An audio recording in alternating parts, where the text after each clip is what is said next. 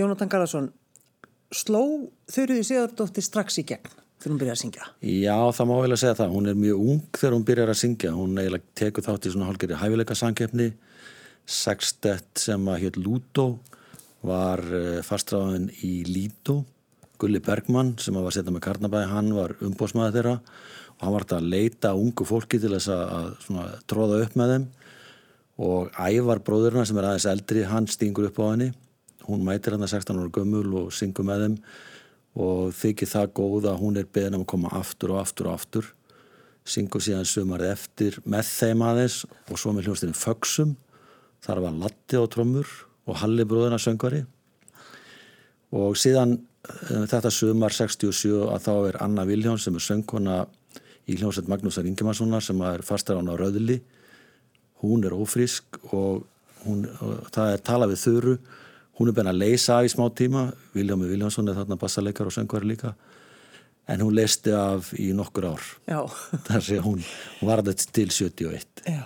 En þannig er hún hvað 16 ára Já. að syngja inn á, inn á stað þar sem hún sjálfsögðu mátt ekki vera inn á? Sko Lító var bara svona staðar þar sem að voru unglingaböld þannig að það var alltaf lægi mm. en árið eftir þá var hún fann að syngja í Þórskafi og hún er fann að syngja eh, á fleiri stöðum. Röðull er alltaf bara vinnvitingahús og kona sem var rak röðul, hún var mjög svona settleg, var alltaf í, í peysufötum og bara var með svona gamla stílna á þessu.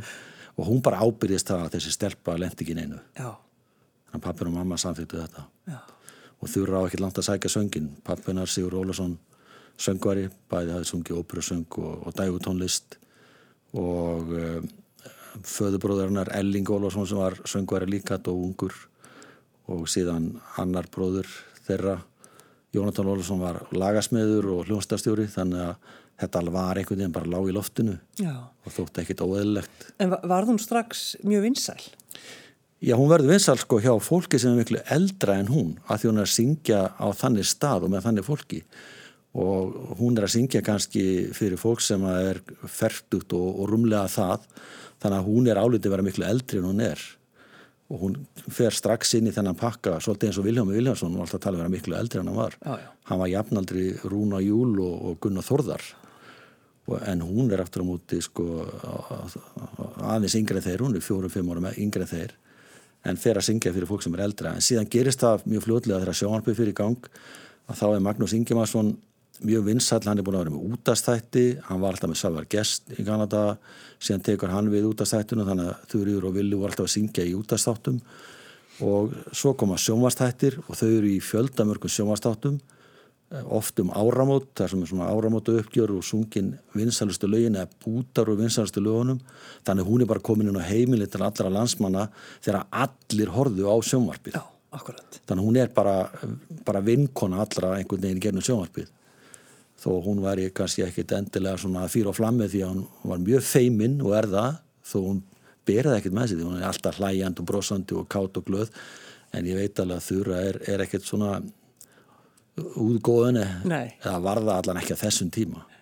En bara varða þroskast mjög hratt og svo er hún strax farin að syngja inn á plötur, syngur inn á fyrstu, fyrstu plötuna sína með Lúto Sextet það er 66 síðan tvær plötur með eh, Magnús Ingemas fyrsta soloplatan hennar eru tvö lög sem eru gefin út 69 syngum með pappa sína með plötu breyðskifu 1971 Pálmi og hún gera plötu 72 því að Pálmi tekur við að vilja vil í, í hljómsveit Magnúsar og síðan verða þau par. Og svo gera aðra breyðskifu 73 uh, hún fer að fljúa um þetta leiti hjá spænsku flugfélagi sem er að, er að halda upp í ferðum til Mallorca fyrir ferðarskristána Sunnu. Uh, syngur um veturinn 73 á Hotel Loftliðum með Jóni Páli, gítarleikara og Guðmund Ingósinni frændasinum og, og Gunnari sem er bróður Guðmundar eða var bróður hans sem var trómuleikari síðan fyrir henni hljómsveit Raka Bjarnar og er að hóttir sögu, er í sömagliðinni það er bara alveg brjála að gera hjá henni þar til að hún ágöður að fara aftur að fljúa fyrir pílegramaflugið fyrst í Arnaflugið, síðan hjá Atlanta.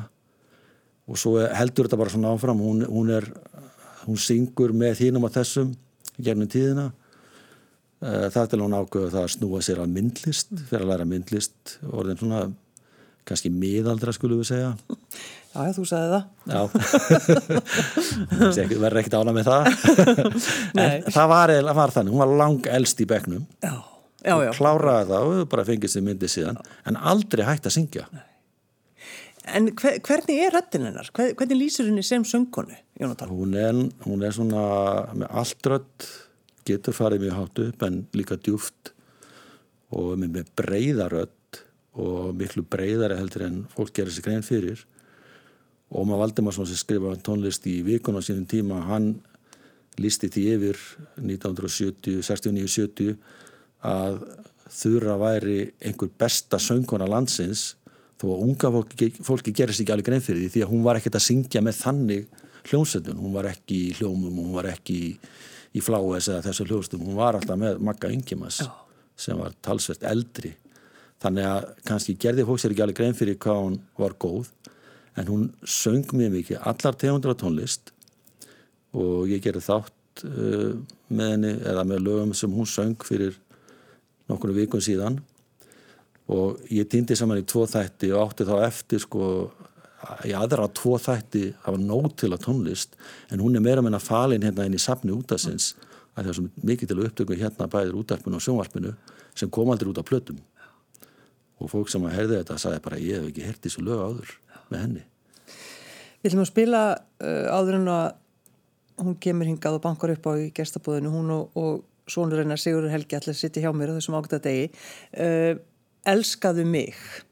Já, þetta er poplag frá árinu 65 sem var vinsalt þarna voru breska söngunni sem voru með vinsalar sem að uh, hún er að syngja þau lög eðlilega, þetta er það sem unga fólki vil fá og elskaðu mig er eitt af þessum lögum sem voru með vinsal út í Breitlandi á þessum tíma og kemur svo til Íslands og verður bara íslenskt. Hún gerir þetta mjög vel. 16 ára krakkin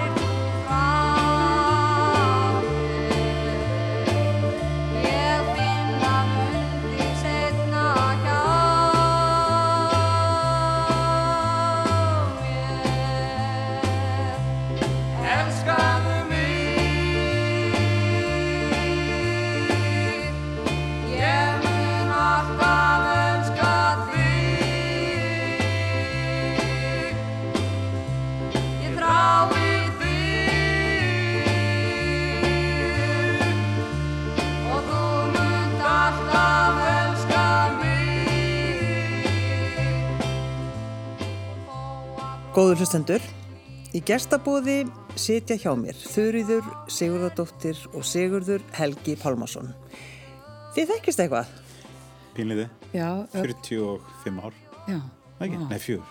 Er það svona langt síðan? Já, nákvæmlega. Já, var hún, var hún ströngu við þig í æsku? Um, nei, nei, hún var ekki ströng. Hún var eiginlega, hérna, ég held að, að, að móði mín hafi svona verið ást, hva, hvernig orðið þetta, það ástæðin fyrir því ég er svona eins og ég er í dag er raun og verið út af mömmu Já. og uh, hún var rosalega uh, nösk á að láta mig takast á verkefni sem að ég uh, þorði ekki að takast á við mm. og hef eiginlega allat svona og minn karakter er svolítið þannig að held ég að ég er aldrei hrættur að henda mér í dublegina uh, og En það er óbúslega gott veganesti. Já, og ekki að vera hrættu við að gera mistök. Ég hef alveg gert nóg margum mistök um æfina en, en veist, það er bara hlut á því að vera manneskja. Mm. Það er að gera mistök og læra þeim og, og þá hugsanlega kannski að reyna að gera það ekki aftur. Mm. Um, þannig að ég held að sko 19 ára þá fer ég að vinna allir með sér Atlanta í Nýgurju og það var mamma sem að ítti mér út í það sko. Gamla fluffan? Já, að þú veist að kynast heiminum og, og hérna og reyna kannski að sjá veist, e, það hliðar sem ég var ekki að sjá á Íslandi í svona verðaða fallega landa okkar Já. þannig að hún var ótrúlega e, og, og einhvern veginn hérna alla þar hugmyndir, skrítnu hugmyndir sem ég átt við getum æfina, hún er alltaf fyrst þessi, prófa þetta bara, Já. sjá hvernig það gengur Alveg frábær hugmynd, já þessi ekki mín. Já, og, veist, og, veist, og alveg 90% af öllum hugmyndir sem að færi eru náttúrulega mjög skrítnar og glatar og alltaf, en þú veist, þú verður samt að gera það allt sem til þess að fá þessu einu sem er góð, sko. Var þetta meðvitað hjá þér? Þetta, Já, þessi ég uppeldis held- aðferð Já, allir það ekki. Ég, hérna, ég hef alltaf reynd að, að hafa það veganesti að, að horfa á það jákvæða og ég held að það hafi bara komið úr fóreldrahúsum. Mamma hún las til dæmis bara góðu einhverjirnar en sleppti að lesa hinnar Heyrðu, Þetta er frábært og rósaði manni fyrir sagt, góðu einhverjirnar. Þannig að, að, ég held að það hefði svo litið byrjað þar. En, uh, en síðan eins og bara mitt eftir hug þegar maður að segja frá því þegar hann fyrir 19 ára gaman til Níkerju, ég senda hann með fullt kökuboks Nú tókst, nú, nú tókstu alveg kúlið í burtu frá mér sko, það- 19 ára til nýgur en ég var samt með kökubox kökuboks frá mömmu. Varstu með kökubók að mamma Þetta var sendi rétt mig fyrir með- jólin já, á smákökurnar. á smákökur. Maður var ekki alveg, já já en ég svo náttúrulega líka var ég náttúrulega svo unglegur þannig að þú veist, fólk var að spurja mig um borið flugvilni hver er pappið þinn? Já, að því eins og ég væri svona eitthvað flugmas eitthvað sem væri að fá að fara með Já, en hann byrjaði þegar ég hætti þannig að, Já. að, að ég þurfti svo sem ekkert að, að taka, taka ábyrð á, á því. Og við lendum aldrei saman í flugi. Sem veitur verið en hvenar vissuru að sonuðinn gæti sungið? Alltaf hafi bara ekki verið þegar ég var að svæfa hann einhver tíman og hérna ég um, söng oft fyrir hann þegar hann var að sopna og hann sagði við mig, mamma, þú þarft ekki að syngja fyrir mig, er sopna samt. Já Ég alltaf að segja að hann rattaði hann með mér Nei, hann var alltaf feimið að syngja og mér er að þegar hann var í, í uh, leikskóla og átt að setja hann upp á stól og syngja, það, það henda honum ekki. Mm. En, en auðvitað, ég vissi mjög fljótt að hann var mjög lagviss og, og hérna, músikalskur, það fór ekkit á milli mála. Var erfitt að eiga þessa foreldra á einhverju tímapunkti? Ég náttúrulega þekki ekkert annað heldur en eiga ég hef oft hugsað um þetta þess að ég hérna þú veist, þegar ég var að fara með þeim eitthvað og þá náttúrulega horfið fólk þannig ég ólst upp við það að, þú veist, þannig að eins og margir segja sem eiga fóröldar sem er þekktir þá er það kannski bara eðlilegt að veist, finnast eins og all, að, horfa, að allir væri að horfa svona. Um, en ég, nei þetta hefur aldrei verið erfitt að hérna aldrei verið neitt neikvægt sem að því fylgir. Þannig að alltaf þegar ég er að syngja þannig að kemur augljóslega það að ég sé svona þeirra og, og ég fekk bara þá hugmynd að ég, þegar ég var að gefa út lög á sínu tíma þá var ég kallað Sigurður Helgi Pálmarsson Rás 2 nei Sigurður Helgi Pálmarsson Rás 1 Sigurður Pálmarsson Rás 2 og Sigurður Helgi Pálmarsson á Bilgina þá vissi enginn vissi ég aldrei ekki hvernig var að syngja. En hérna en ég er svo sem bara hérna ég held að ég man ekki eftir neina ykkur neikvæði eina sem var bara þegar þessi hérna, komur að segja þessi gróðsögur voru að hérna voru á sínu tíma en þá bara mamma leisti það mjög vel með mér að, hérna, Hvernig gerður það? Það, þetta voru gróðsögur um pappans. Mm. Uh, við bara rættum þetta og, og fjölskyldan reyndar öll. Uh, og ég mætti í útasviðtal til þess að, að bera þessa sögur tilbaka og það var í fullu samráði við Pálma og önnu konunas og, og Fririk. Þannig að, að eh, Býtu var þetta alveg þannig og varstu- fórst í útásviðtal til þess að Já. svara fyrir. já, Það var, sérst, já, það var kennar sem að kom til mín þegar ég var í skóla og vottaði mig sammúð um andlút, Já, já. andlát pappa, sko. Já, Og þá, hérna, þá var, tók mamma það upp, sko. Ég var alveg vanur að heyra svona smá sögur en ekkert samt eitthvað alveg lett en þetta var svona versta, sko. já. Þannig að, hérna, það er kannski, já. Semst það var svo saga, var það ekki? Það, semst já að hann bara að hann hefði, hefði látist og, og, eh, en þá, ég held að hann hafi bara verið, fór hann ekki á fríport. Nei, það var, hann var í, þetta var, hérna, Chicago. Já, Hann var, hérna, já, hann var í meðferð. Já. já, fór í lang, langa meðferð í, þetta er bandaríkjana. Það að vera alveg burt í hálft ára. Þetta var á þessum tíma sem var, hann var brjála að gera í hún og svo bara, Allt í henni sást hann ekki. Já, já, svo farin, já, já. Það eru margir sem kannast í þetta. Já, einmitt. En svo bjargaði fríport mörgum. Heldur Já. betur, heldur betur. Og bara þetta góða starf sem hefur verið unnið á Íslandi og, og í gegnum Ísland að, að, að sem betur fyrr, það hefur skilað mörgum góðum manninu tilbaka eins og Já. til dæmis Pálma. En s- svona slúður, þetta getur uh, sko meitt fólk þannig að það bara, það breytist. Mm. Þannig að Já, þið fóruð ekki þar, eða, eða kannski ekki þú, Siggi, Nei, ég, ég, sko, mamma rætti við mig og þá öruglega pappi líka, að, sko, að eh, ég lendi náttúrulega í ákveðni stríð, þú veist, mér var strítt sem krakka, eiga, eiga fóreldrar sem voru frægir og ég kannski lágundir, hvað maður að segja, það var, ég var auðveld skotmarka því að þegar ég var að byrja í skólum og þá var ég svona, en ég, þetta var eitthvað alltaf rætt um að þetta væri ekki eitthvað sem væri mér að kenna. Er að þetta væri hérna þetta væri út af því að þau væri þekkt og ég þyrfti ekki að hafa ágjörð því að þetta væri eitthvað varandi karakter minn sem er auðvitað ástæðan fyrir því okkur í svona sjálfhverfur. Þetta er bara, ég gengum það er bara, það er ekkert sem hefur áhrif á mig. Bara, "Ah, þetta er eitthvað, er allt annað er mér að kenna. En, hérna, en, en ég fekk sko, eitt af því sem ég oft talað um, ég segi við fólk að það er eins og þegar ég- söngum pappa á jóluplutuna, þá var algjör reglum það að ég fengi ekki að upplifa neikvæði hliðurnar að því að vera þekktur eða, hérna, þannig að mamma var mjög duglega að láta mig ekki koma fram nema bara ég fekk að koma fram í stundin okkar og svo bara eitt blað vali sem var æskan og svo var það bara búið Já. Þú veist, og En þessi jólaplata er náttúrulega, ég meina hún er spiluð en þá. Algjörlega, þetta er aðal jólaplatan heima Já. hjá, hjá okkur. Æ, hún fyrir ennþá að gráta sko. það er bara hver einustu jól bara Það er lagi Jóla Ómar, það er bara það er mjög svona hár tótni í lokin og sem krakkin syngur og ég fyrir alltaf að grenja og þetta er svona bara í fjölskyldinu, Friðrik, núverandi maður, eigin maður til 40 ára, að þeir býða allir feðgarnir sko þrýr og Elling, svonur minn yngri, Já. eftir að ég fara að skela. Og þá, já, já, þá. Þá er það búið. en svo er þetta bara svo fallið til að mamma að því þetta er, mam, veist, við nú, núna erum við búin að vera að syngja mikið saman, miklu meira en nokkuð tíma Já, já.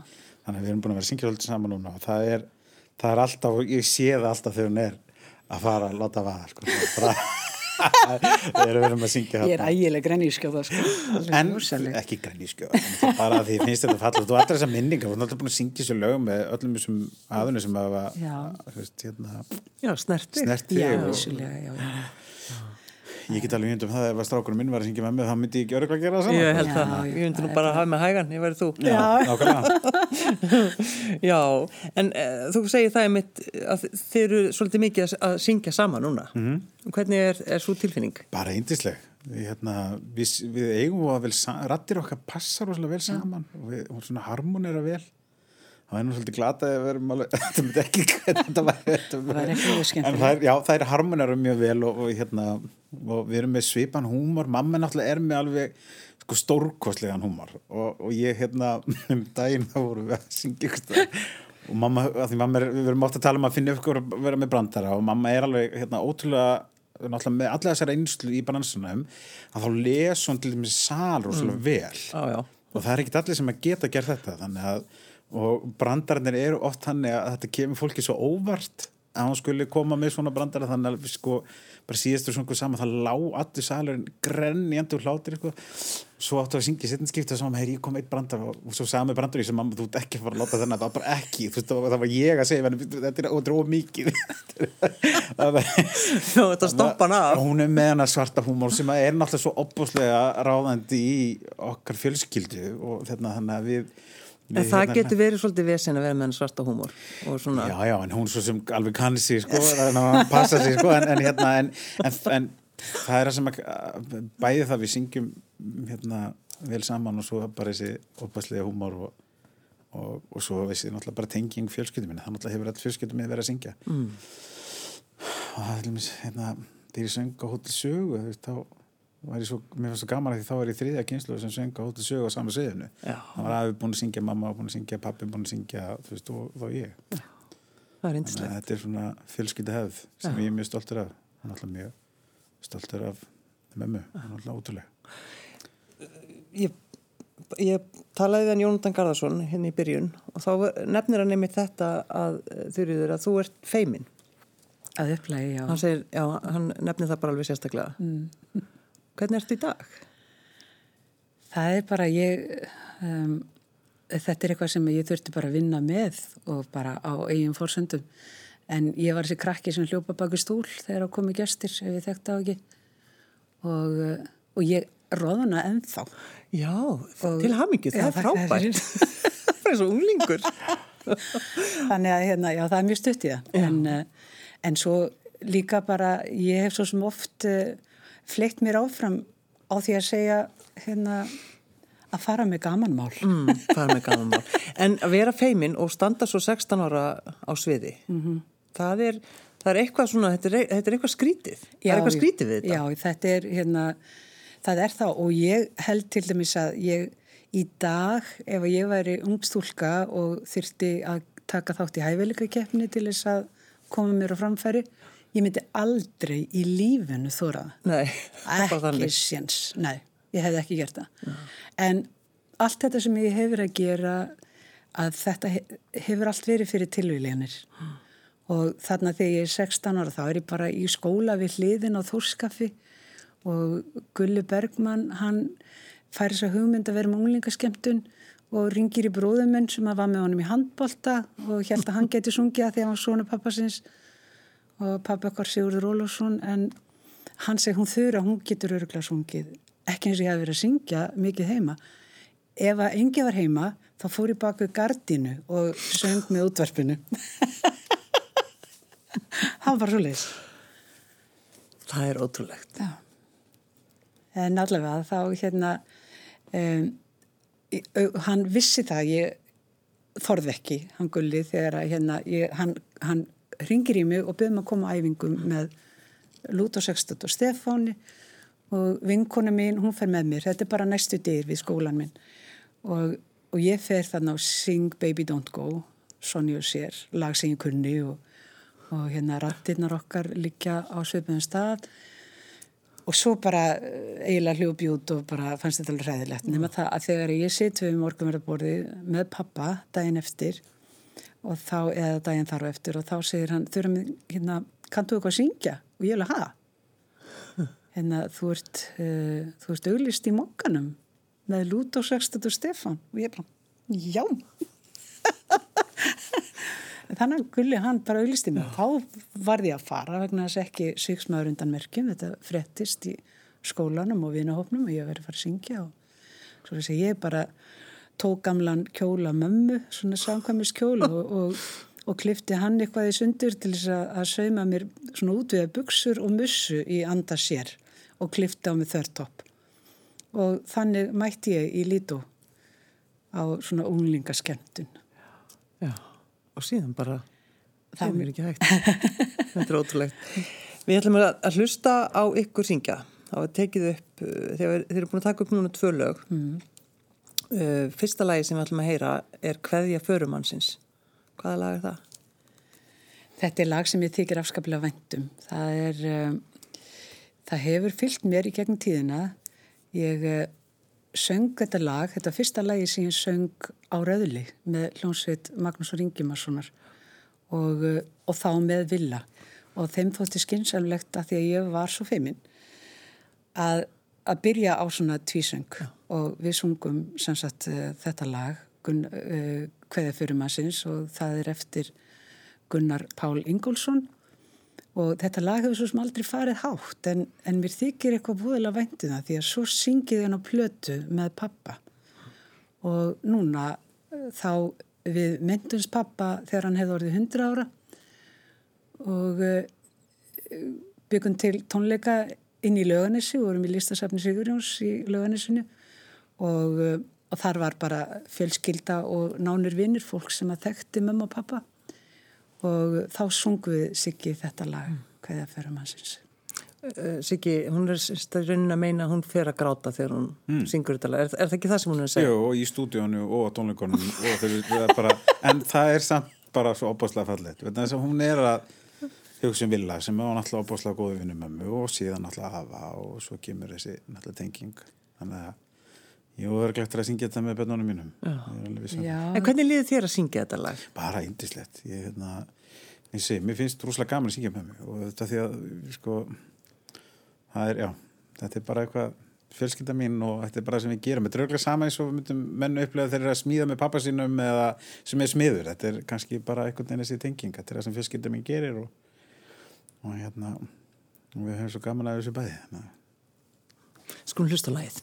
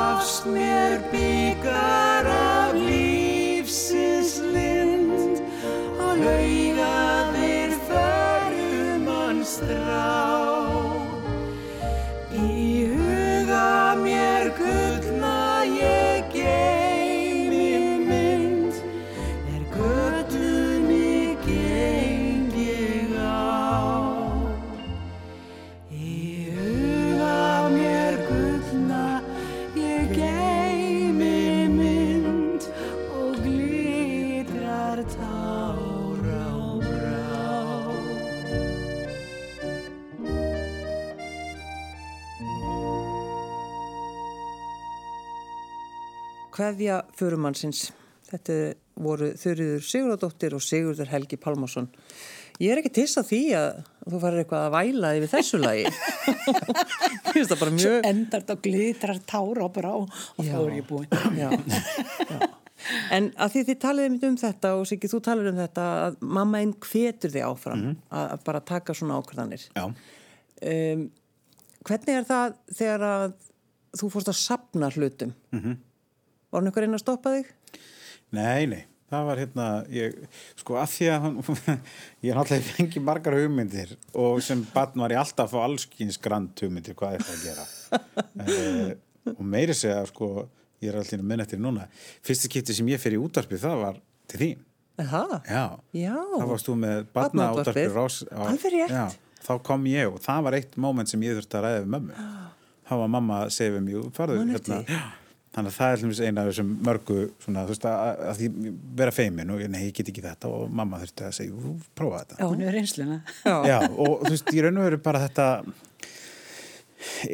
er ekki leyndadómur þú veist, það er verið að tala um leyndadóma lífsins, er það ekki bara það þegar maður kveður að, ef maður fær það mómenti þá getur maður sagt sem minnst ég hefði átt að að að lífi okkar sé þannig að við, við að, að prófa allt Þú ekki að vera hrætt við að ákvært að gera þessi mistök en oftast á hérna já, það hefur allan að vera mitt svona leðaljós Já. En ég held líka að það sé mjög, mjög mikilvægt að það var eins og þegar ég ákvaða að fara í þetta listnám. Það er að segja í myndlist alveg að kúvenda. Já. Og þá ég mitt sagði við eh, Friðrik manni mín, ég held að ég verði bara frekar leiðilegt gammalmenn ef ég læti ekki reyna á þetta. Mm. Menn taka náttúrulega ekki sensin á því að, að, búa með leiðilegur konu. Nei, það er, það er ekki hægt. Nei, en allavega, ég, ég sá fyrir mér að þá kannski á efri árum að þá gæti ég fara að röfla yfir því að hafa ekki farið í þetta listnám sem ég mér langaði alltaf til þess að fara í og eh, sem betur fyrir að þá, þá hérna fór ég í það og ég útskrifaði stúlista áskólanum 2001 og, eh, og þetta var mjög strangt nám. Ég hætti að vinna aðra vinnu.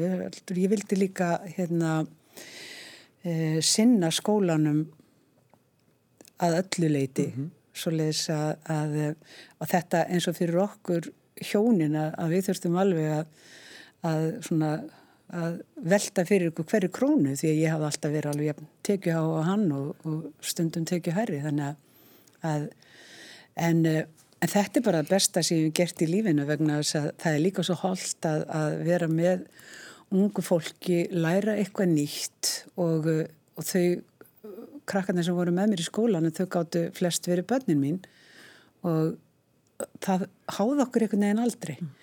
en, en ég eins og segi það er bara að byrja aftur að læra að nota heilan hausinn að það skiptir rosalega miklu máli vegna þess að ég til með las það var fyrirsögnundaginn sem ég las að heilin byrjaði að starfa þegar við fæðumst og hættur um sjötugt. Og þetta var nú svolítið sjokk sko því ég er nýjórðin sjötug þannig ég segi bara, akkur saði mér þetta enginn, það hefði ekki liðað svona rætt mm. Þannig að það voru skríti núna þurra. Ég er mjög, þannig að ég bara byrð fólkum að bara hafa varan á ég er orðin sjötug Já. og heilin er hættur að starfa en þetta var ykkur fyrirsök sem að var til þess að auðvitað las maður greinina. En, uh, en allavega þá hérna þegar ég las þetta bara já. Nota þetta náttúrulega á tónleikunum. Að Já, sjálfsögðu. er sjálfsög, góð Lappa blanda. fram á svið og segja þetta var eina pulsum öllu og gók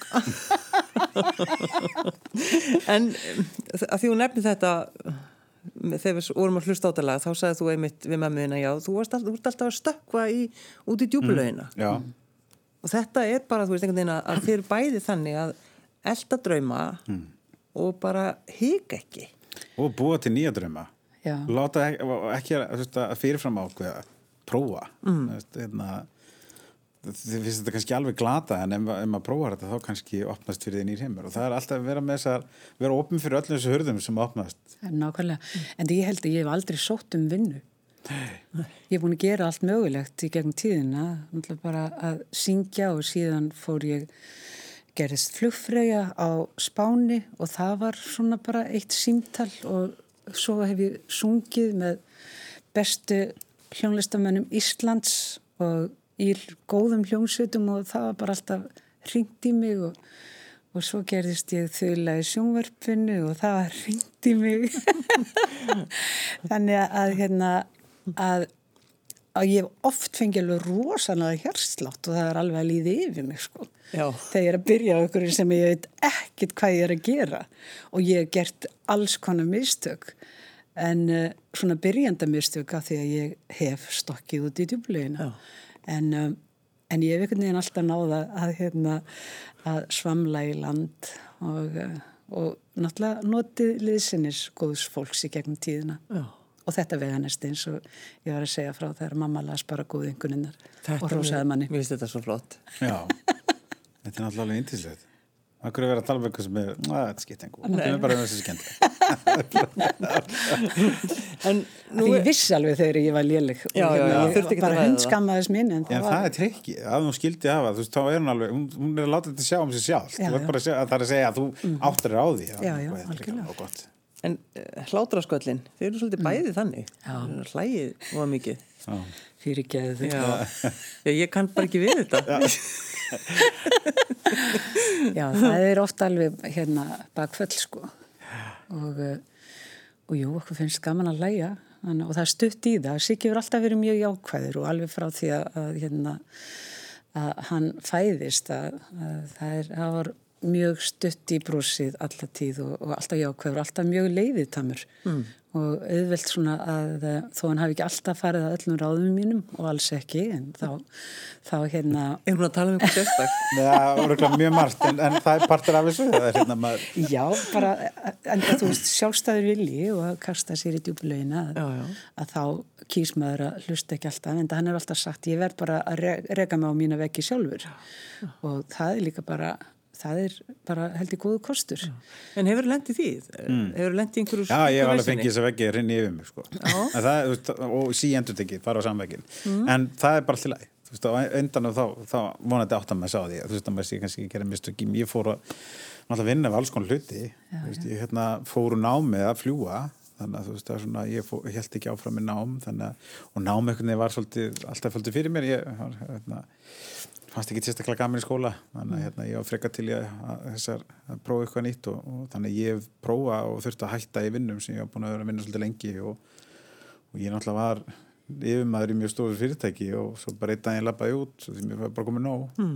og þá byrjaði þessi kapli sem er núna í lífinu mínu sem að ég, ég hefði alls ekki farið út í nefn út af því að ég hætti að vinna þarna sko. þannig að Já, síðan opnar búð og alveg, já, er alltaf, þú þarfst að vera alveg brjálega hérna, vittlust til að gera það og opna safnarabúð ára 2015 sko. En, en þú veist, þráttur í það þú veist, ég segja ennþá daginn í dag þegar ég er að fá þessu hugmyndir, þá var ég að segja um ömmu, þú veist, já, ég ætla að opna safnarabúð og maður, þú veist, bara ok, og hvað ætlar, hvernig ætlar að fara að því? Og ég meina, þú veist, það tók mig ekki um eitt ára áttum á því, ég var versti búðareigandi og hérna, en það leiti mig í það sem ég er að gera núna. Þannig að þetta einhvern veginn er alltaf þú veist, ef maður er prófar og þá einhvern veginn opnast alltaf hérna, já, opnast einhverju nýja leiðir. Já, og hva- og hvað er það sem þú varst að gera? ég er sem sagt sa- eh, í Sælabanka Íslands. Sé mynd Sælabanka Íslands og þjóðmenni Íslands. Já. Vistu þú einhvern veginn ekki hafa útliti til þess, bara svona staðalmynd, Já. bara til þess að vera fordómafull? já. Það gerir svolítið oft, það, ég án gaman svo fólk ringir nýr í banka og er að fá mig kannski til þess að aðstofa sig þá, Þú veit einhvern veginn svona u- unglegur, þó sér orðið svolítið smágrár, þá Já. það er svolítið Já, ekki. já. ja, fólk lappar mjög oft fram með mér sko. ég verði það var einhver eldri maður sem var fyrir aftur mig og það er bara beint fram með mér og, hérna, og að eldri mannum sem var, hérna, en það er bara þetta er náttúrulega þú veist að tala um að vera safnari ég er náttúrulega fóð sko 12-13 ára í myndsætnarfélag Íslands og það var eitt af þessum grand tömundum mínum sko. Já. Og svo næst í aldrei var 30 eitthvað. Já, ég, ég held mér þess að það hefði verið sko Anton Holt sem var Já. næst yngsti sko, Já. sem að hérna Þú tókst við á honum í Já. Sælabankunum. Já. akkurat. og hérna og ég fór á eitt fund og ég mandi sko, mann svo vel eftir því þið voru allir með skjálatöskur allir þessi elsku nördar sem og þið voru allir með skjálatösku að sína myndsafni sitt sko. og ég sagði mömmi ég er verið að fá skjálatösku þú veist, ég get ekki verið að fara á þessu fundi og mamma kipta þetta með og, Sem var krakkin í strætó með skjálatösku og myndsafnara fund sko. Alveg bara, og ræða við þú veist, oft var það þannig bara eins og þegar hérna, amma afi eða Fitt og- Dísa, þegar þau voru með erlenda aðila, þá voru ég frekka að tala við eldra fólki heldur en krakka Já. Já. þannig að mér fannst það að vera svona meira skemmtilegt sko. En þetta katast svolítið ákvæmski til mömmuðinnar því þú varst alltaf að syngja fyrir eldra fólk. Heldur betur. Þetta er svolítið svona... Já, með öðrum kynnslóðum. Mm. Já, en það, ég, ég er batnung þegar ég byrja að syngja á röðli eða táningur og uh, þeir sem voru gestir þar voru, var fólk sem var yfirleitt miklu, miklu eldri eldur en ég Ó, og meiri sé að ég var þéruð það var einhvern tíma sem kom til mér maður upp á svið og, hérna, og bauð mér í glas og ég hérna og ég afþakkaði það og, og, og hann fyrir að telja upp ykkur að drikki sem að, sem að hvort að mér langa ekki í þennan eða hinn drikkin og, og ég alveg bara nei takk og svo segir hann má bjóðið þið dús já, já. ég kunni þetta ekki og ég held að vera að bjóða með dús og ég segi bara nei takk ómálega Já, nei, ég vil ekki djús.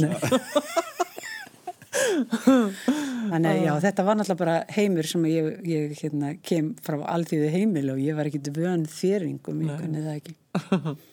En já, já þetta, var, þetta, var, þetta var annar heimur en, en, en ég var náttúrulega alveg ótrúlega hljón, bara heppin með hljónsitt og Magnús Ingimar svona að, að þessi uh, frábæri tónlistamæður að taka að sér krakka eins og mig og bara kenna mér að, að vera söngkona því að ég kem þarna bara úr sveitinni nánast, þetta er löganis sem var halgið sveit í borg og, og, og þetta var eins og ég segi og að syngja við liðin á Vilhjálmi í mörg ár þetta var náttúrulega ekki hægt að finna betri skóla. Og, og þrátt fyrir að ég hef verið að syngja 6-7 kvöld í viku að þá var þetta lærdómsríkur og góður tími. Mm.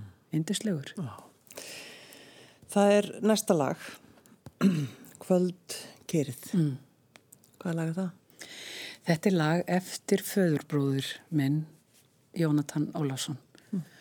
Og um, pappi, hann, hann söng þetta lag á sínu tíma og uh, síðan söngi þetta lag uh, inn á, við sungum þetta saman reyndar við pappi og svo söngi inn á plötu með Raka Bjarnar til ham ekki með Amaliraki Já, nákvæmlega, ekki glemum því. og, e, e, og síðan e, kom þetta nú bara eitthvað tíman upp þegar við Siggi e, vorum að syngja jú það var fyrir tónleikana hans pappa að, að það sem við myndumst 100 ára ammali, ammalisins að, að við sungum það saman og lagið heiti Kvöldgýr það byrjar á þín minning lifir Já.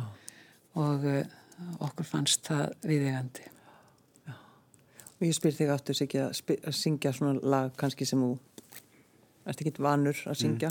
Hvernig, Ég, ég er samt náttúrulega ólst upp með þessum lögum. það, það, ég, það var ekki erfitt að um, ég segi stundum að það, sko, mamma hlusta á Nakkin Cole og hún hlusta á alla þessa frábæru tónlistamenn og ég er ólst upp fyrir að hlusta þá og meðan að flest allir voru að hlusta á Djóru Djónan þá var ég að hlusta Frank Sinatra sko. Nat King Cole, þannig að ég og þessi, þessi plötu voru til þannig að ég hérna, þekkti þessu lög alveg alveg í gegn sko þegar við sungum það síðan.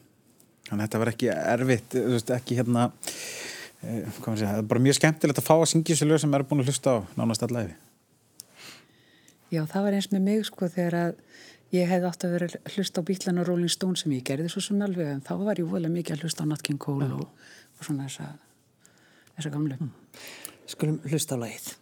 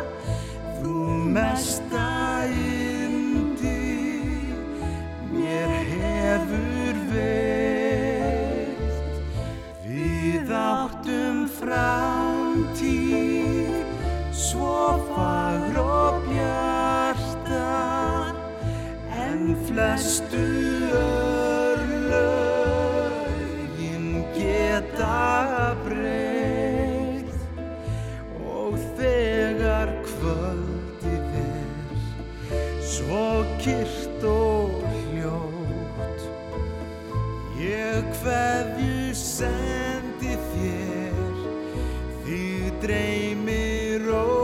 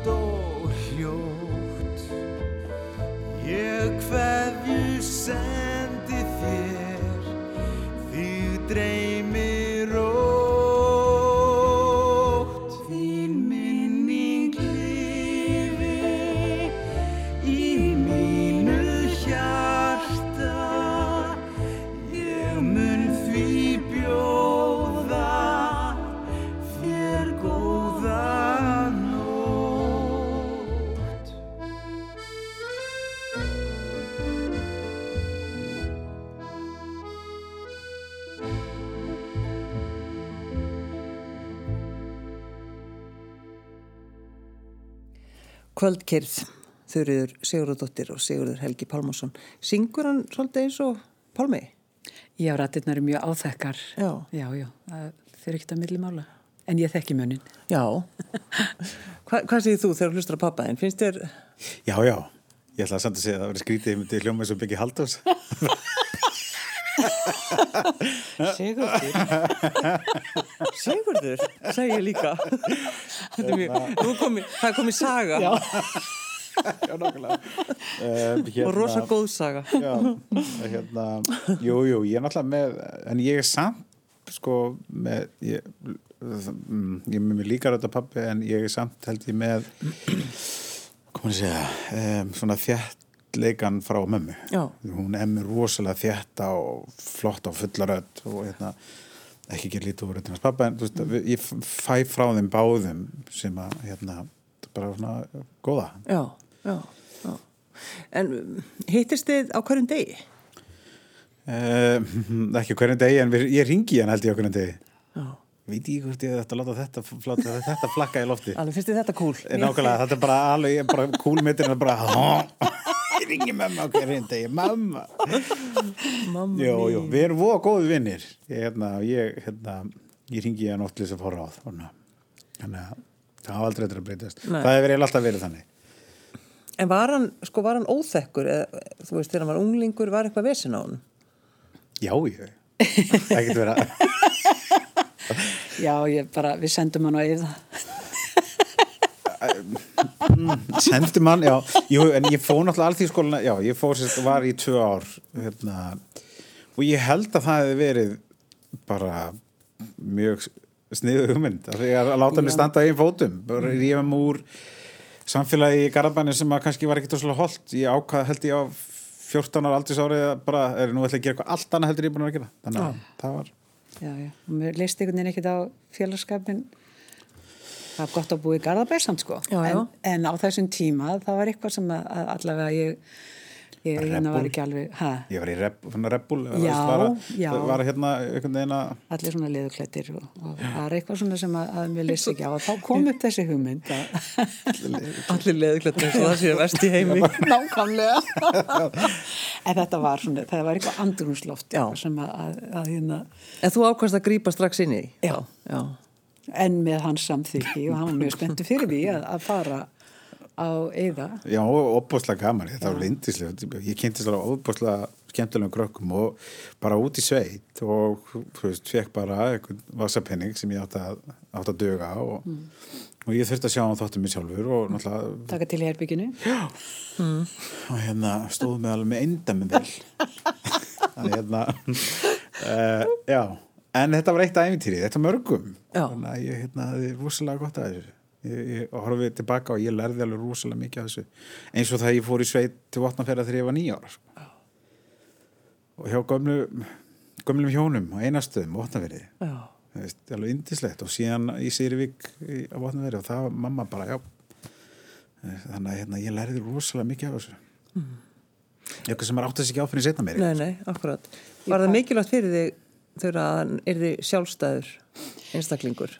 Já, það held ég, því að hann er náttúrulega listamaður og, og, og eins og listamenn eru rosalega opinn og, og hérna um, um, hvað ég segja uh, opinn fyrir öllum áhrifum og, stundum að, að þá þarf maður kannski svolítið að geti ekki eðurnar og ég svo sem uh, með þeirri vinnu sem ég hafði unnið og, og að þá ég þekkti svona brotalamirnar í, í lífinu og, eh, og vildi forðanum kannski frá því. Við erum bæði sveimhugar og, eh, og hérna og kannski líka svolítið aðteglisprestur svakalegur.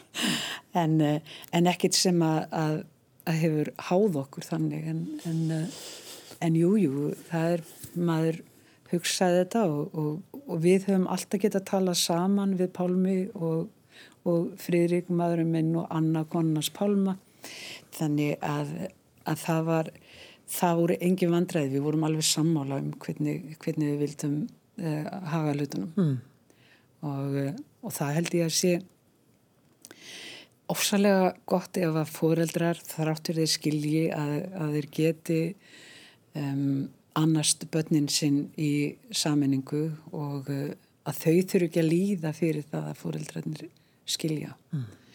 Þetta er eitthvað sem að, að ég held að sé svo ofsalega mikilvægt, ekki síst fyrir börnin og okkur tókst eins og bara með systur Pálma, hann á tvær, nei Sigga, hann á tvær hálsistur og, og ég passaði þær þegar þau, þau kom í bæin svo leiðis að, að þetta varði ekkit svona styrt. Mm. En hafið þið einhvern tíma rifist af einhverju alvöru?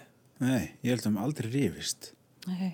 ef það hefur verið ykkur tótna þá er örugglega hvernig síðan átt að skilið en hérna, nei, við höfum aldrei rífist við, við, við, við, við erum ekki ég aldrei spurði það þessu ég, ég held ég hef aldrei rífist við við höfum náttúrulega lengt, skamma með þeim yngri og allt þetta, sko, og þú verður alveg en aldrei rífist Ég held að Siggi hann alltaf mjög næmur, hann, hann sér ef við mislíkar. Það er í farin og flestir sem þekkja mig. Flestir sem þekkja mig þú veist að hérna, þetta er svona bara ég veit ekki hvernig ég á að lýsa þessu. Að, að hérna ef Ég mér, sá- mi- já, ef mér mislíkar það skinnjar það mjög fljótt. Ég bara hugsa með mér bara, ég, komið svona nokkuð flashback bara, nei, ég ætla ekki að koma inn núna það er að vera alls lengur úti nei, en, en aldrei rífist Nei. við, við erum ekki hérna ég, ég held að við höfum aldrei talað allir þessum stjórnmáli eða eitthvað svona ég, það er hérna ekki er hérna En er þetta skiptaður eitthvað að, barnauppbyldinu hjá Sigga? Já, Eitthvað stjórnast í því? já, bara, ég held að það sé nú bara já, að við erum góða sko það Já. er ekki hérna Hún er að leiðbina þér? Já, já, en það er bara partin að því. Ég meina, hérna áður fyrir þannig alltaf fyrst byggu allir saman. Ömmur og afar, þau voru ekkert í sér íbúð í Garðabænum, ykkur blokk, fyrst það bara allir voru inni á hverju öðrum. Já, við eigum mjög gott sam, samband við barnabönnun okkar og, og tengda dætur og, og bönnun okkar þannig að við erum náttúrulega afskaplega heppin með það. En Siggi, ég man eftir bara þegar hann var lítill ef ég sett í brýtnar eða kom svona hrukka á milli ögnana að þá koma með puttan og sletta hana Forðast vandamáli. Já, það fór vandamáli Við þurrkum þetta Já, bara. nákvæmlega En þið ætlið að, að standa á sviði mm. sumardaginn fyrsta Já, þegar sumarið kemur. ætlið þið að standa saman já Og sumardaginn sumardaginn annan. og sumardaginn annan. annan, já. Já, það er hérna ótrúlegt að, að, að það, er, það eru komnir á auka tónleikar og ég fekk þessa uh, hugmynd, mér varst þetta bara eitthvað svo uh, sniðu því að það er mjög einmannalegt að vera myndlistamæður og, uh, og þrátt fyrir að ég haldi fram að mér leiðist aldrei að þá, þá er starfið, maður er einn allan daginn mm. og þá fæ ég svona stundum tilfinningu fyrir því að ég nú er komið tíma að henda í tónleika og það var akkurat þessi hugmynd og það var líka í kringum ammali mitt við áttum 40 ára brúkusamali við Frýrik og, og, uh, og, hérna, og ég sjötu samali að það væri kannski komin tíma að gera eitthvað. Mm. og uh, já og svo fekk ég hugmyndum að vera í bæjabíu og mér finnst það eitthvað svo retro og skemmtilegt svona fyrir þessa tónlist sem ég er að syngja. Og, uh, og síðan spurði ég Sigga hvort hann veri til í að koma fram á tónleikunum sem gestasöngur og, og hann hann slóð til það, ég þurfti ekkert að, að, að uh, hafa mikið fyrir því Það kemur alltaf upp í huga mér, hérna, og nú kemur gestasöngarinn Sigur Helgi Pálmarsson og eitt glap. salnum. Það var bara- ég sagt bara, ég náttúrulega hef sungið á öllum náttúrulega hef sungið með mömmu og pappa og veist, þú fengi að syngja á þessum aðeinslegu stöðum og það er alltaf, veist, og pappi, ég held að pappi eitthvað mann sagt leinigestur og ég bara, pappi, ekki segja leinigestur þess að ég lélest í leinigestur þess að það veit ekki um það var hérna Nei, já, já. Þetta verður frábæri tónleika núna ég, hérna, ég, ég, ég, án gamans þá segi ég þetta við allar núna mamma hefur aldrei sungið þessu eins og núna Mm. það, er, hún, það er eitthvað algjör beauty í röddina á henni Ef þú ekki að enda þetta það. á því að, að þú er búin að fá Pálma Sigur Hjartarsson til þess að spila á flílinn okkar hérna í stúdíu 12. Þú ætlar að syngja, hvaða lag ætlar að syngja í lokin? Ég ætla að syngja í Anþir enn. Það, þetta, er- já, það er líka eitt af þessum ammælum. Það er hálf öld síðan ég söng það. Við Siggi sittum það hér og grátum á meðan. Þauðriður Sigurðardóttir og Sigurður Helgi Pálmarsson. Takk fyrir að koma. takk, takk Takk.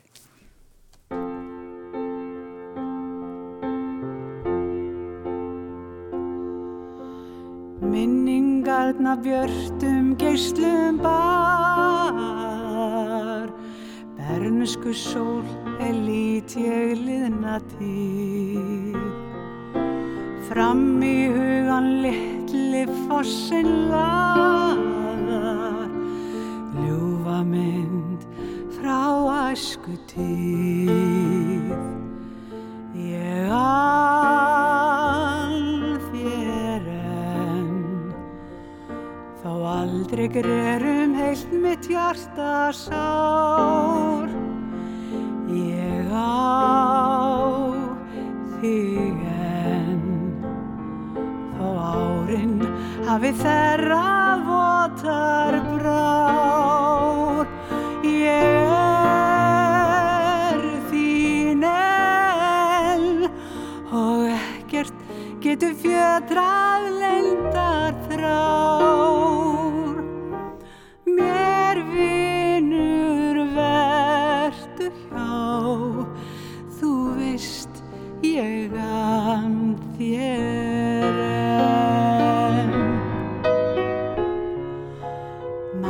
Manstu kvöldið er þú hvergi smeykur. Gistur mig og vafðir fasta þér. En það sem aðeins virtist ljúfur leikur Lagði eld að brjósti mér. Ég an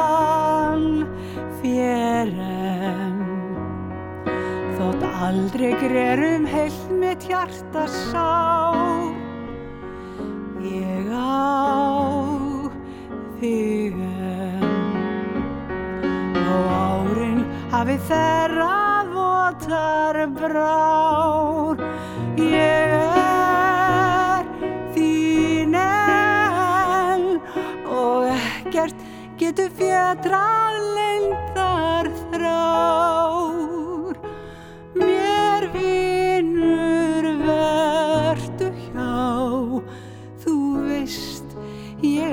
Þú veist ég an þér